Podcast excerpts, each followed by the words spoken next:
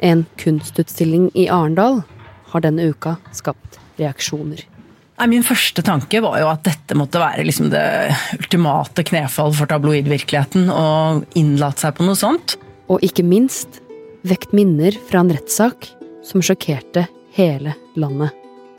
Ja, det var en helt sensasjonell uh, melding fra PST. Da rasisitt ble skrevet i store, røde bokstaver på hjemmet til daværende justisminister Tor Mikkel Wara, kalte han det for et angrep på demokratiet. Jeg satt til å gjøre en eh, jobb for regjeringen, en jobb på vegne av demokratiet, og da er dette et angrep på demokratiet. Kort tid etter peker PST ut en mulig mistenkt for hærverket. Samboeren hans. PST har i dag siktet justisministerens samboer. Sikta for den siste av ei rekke trusler mot eh, familiens bolig den siste tida. Det her er fem år siden nå, men historien har blitt relevant igjen og skaper debatt. Du hører på Forklart fra Aftenposten, og hver dag forklarer vi én nyhet og gir deg det du trenger for å forstå det som skjer i verden. I dag om hva som gjør at en kunstutstilling drar opp gamle skandaler. Jeg heter Jenny Førland, og i dag er det 18. august.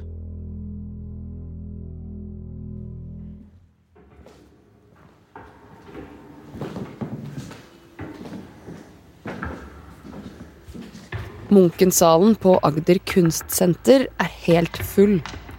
Og publikummet de venter spent på det de skal se på scenen. Paneldebatten, som skal åpne hele Public Enemy-utstillingen på Arendalsuka, skal handle om definisjonen av kunst, hyperteater og grensene for kunsten. Etter en drøy time kommer også hovedpersonen selv, i en skjorte som minner litt om en fangedrakt. Hun kaller seg for kveldens hovedattraksjon. Laila B, mer kjent som Laila Bertheussen, debuterer med sin utstilling Public Enemy. Nå er vi på vei inn på utstillingen til Laila Bertheussen.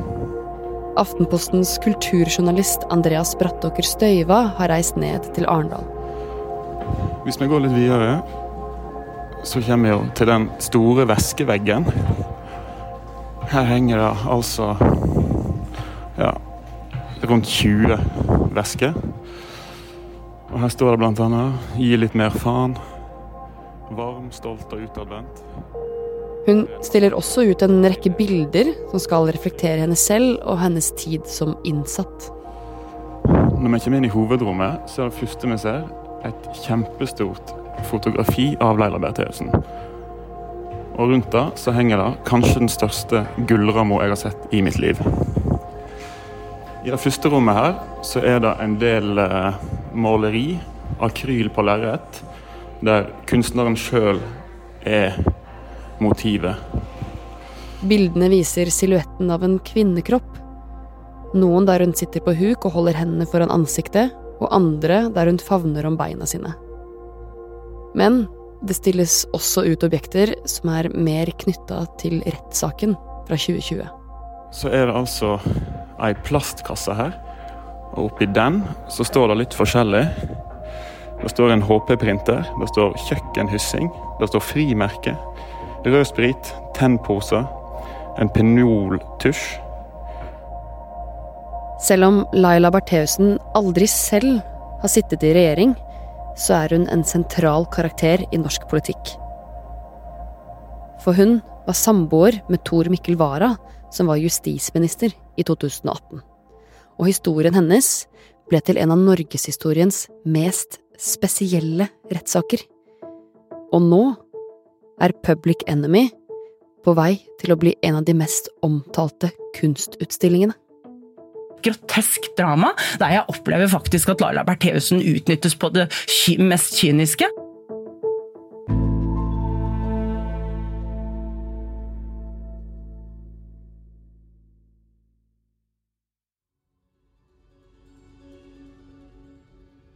I 2018 var norsk politikk dominert av damer.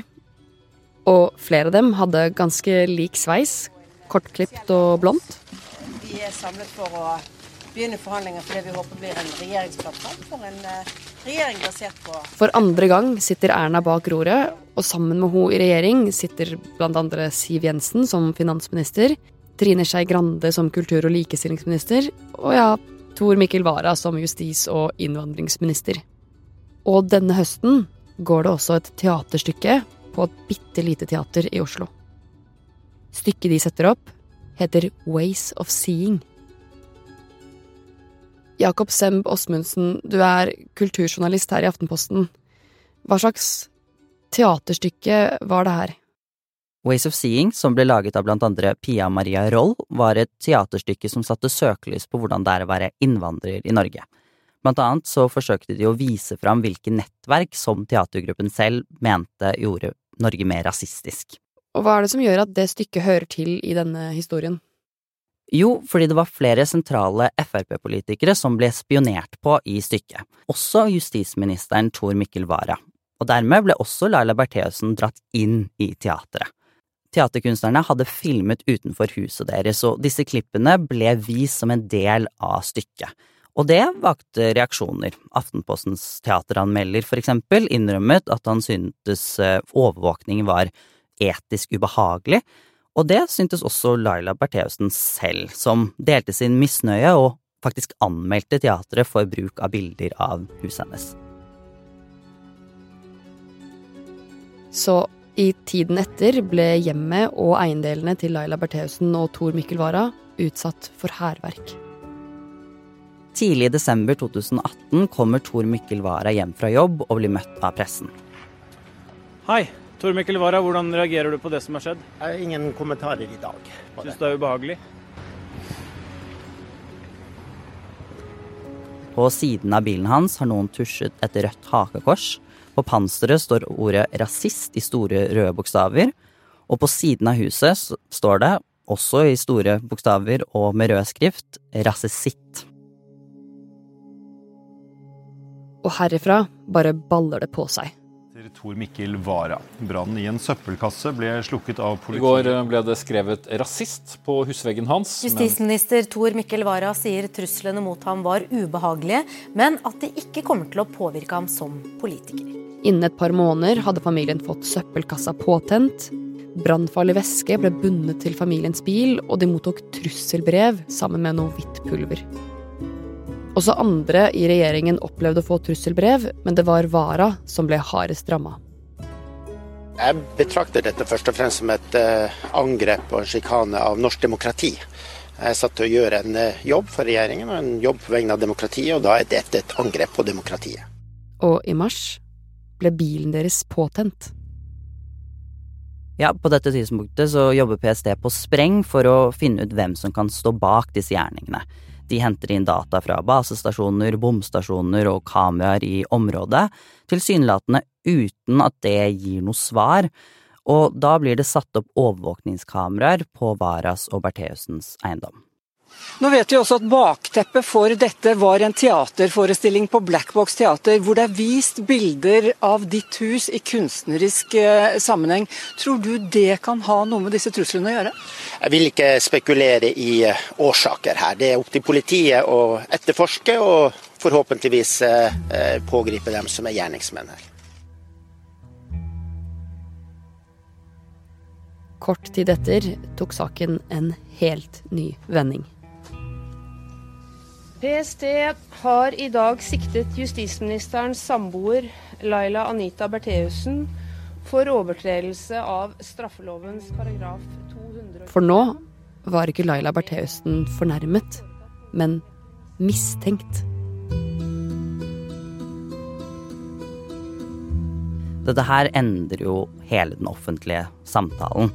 Og det hele fører til at Tor Mikkel Wara møter opp på pressekonferanse sammen med statsminister Erna Solberg og trekker seg som statsråd. Kjære alle sammen. De siste ukene har vært eh, tøff for min eh, lille familie. Beslutningen kommer fordi det er noen som trenger meg mer enn regjeringen. Det blir en rettssak i Oslo tingrett der Bertheussen blir dømt til fengsel i ett år og åtte måneder. Retten mener at Bertheussens motiv var å legge skylden på personene bak Ways of Seeing og få folk til å tro at teaterstykket hadde ført til trusler mot hennes mann og hans Frp-kolleger. Til den dag i dag så har Bertheussen selv nektet straffskyld. Og det som gjorde rettssaken enda mer kuriøs enn den allerede var, var at Bertheussen møtte i retten med egenproduserte tøynett med ulike budskap på. Og noen av disse nettene er nå blitt en del av utstillingen Laila B, som altså er Bertheussens kunstnernavn, nå stiller ut i Arendal. Disse nettene ble en kjempesnakkis under og etter rettssaken, og i fengsel har hun fortsatt med kunsten. Tidligere i sommer hadde hun sonet ferdig, og fotlenken klippes. Nå skjer det.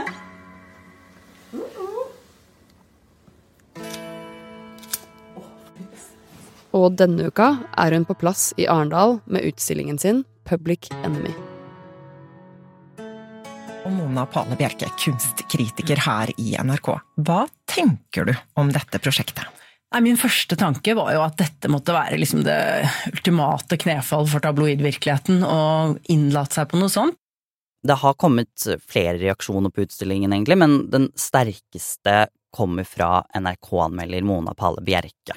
Hun reagerer blant annet på at de straffbare handlingene Bertheussen er dømt for, blir beskrevet som en slags performancekunst, og i utstillingen finner vi blant annet en installasjon med en sølvfarget bensinkanne og en beviskasse med printer, tusj, hyssing og frimerker, altså rekvisittene fra påtalemyndighetenes bevisførsel. Men, men enda mer enn det, så er mitt ankepunkt her at jeg opplever ikke at Laila Bertheussen er den egentlige kunstneren i dette sirkuset. Eh, tvert imot så opplever jeg henne egentlig som en litt sånn kuriøs marionett i et større kunstverk signert av eh, Morten Tråvik. Han beskriver det som et Ja, og han er jo litt sentral. Hvem er han egentlig? Ja, Morten Tråvik, eh, i tillegg til å være kurator, er eh, kunstnerisk leder for Public Enemy-prosjektet. Han er leder for teaterkompaniet Tråvik Info, og har gjort mye som har fått stor oppmerksomhet. Blant annet har han arrangert den aller første rockekonserten i Pyongyang i Nord-Korea, og han står bak de kontroversielle forestillingene med Slusseriombudsmannen. Og Tråvik han driver med noe han kaller hyperteater. Hyperteater? Hva er det for noe? Tråvik bruker ofte debatten rundt selve stykket han setter opp, som en del av kunstverket. Så når det blir masse bråk rundt Sløseriombudsmannen eller Laila Bertheussens kunstutstilling, så er det en del av forestillingen av Hyperteatret. Også medieomtalen er en del av dette her, så i dette øyeblikket spiller faktisk Aftenposten sin rolle i dramaet.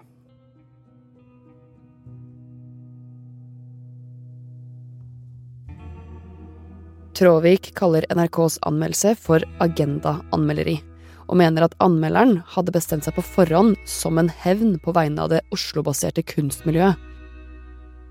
NRKs anmelder, Pale Bjerke, svarer at det er en konspiratorisk og spesiell anklage som faller på sin egen urimelighet. Med andre ord en liten ordkrig i kunstmiljøet. Samtidig beskriver også Tråvik Bertheussen som en av Norges mest interessante kunstnere. Jakob, hva er det som gjør at denne utstillingen engasjerer folk så mye? Først og fremst så er det jo en helt utrolig sak. Altså Bokstavelig talt er det nesten ikke til å tro alle vendingene og dramatikken som har skjedd siden Ways of Seeing. Og som kulturjournalist så liker jeg å tro at det også er noe med møtet mellom kunst, politikk og samfunn som folk elsker.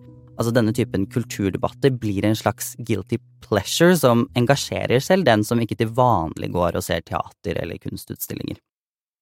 Ok, Jakob, tror du det her er siste gangen vi hører noe fra Laila Bertheussen? Laila Bertheussen er ferdigsonet og har da alle muligheter til å fortsette å ytre seg kunstnerisk. Som med annen kunst kommer det jo da litt an på folkets interesse for den, men fremdeles er interessen for henne enorm, så man skal ikke se bort ifra at vi får en til akt av dette dramaet.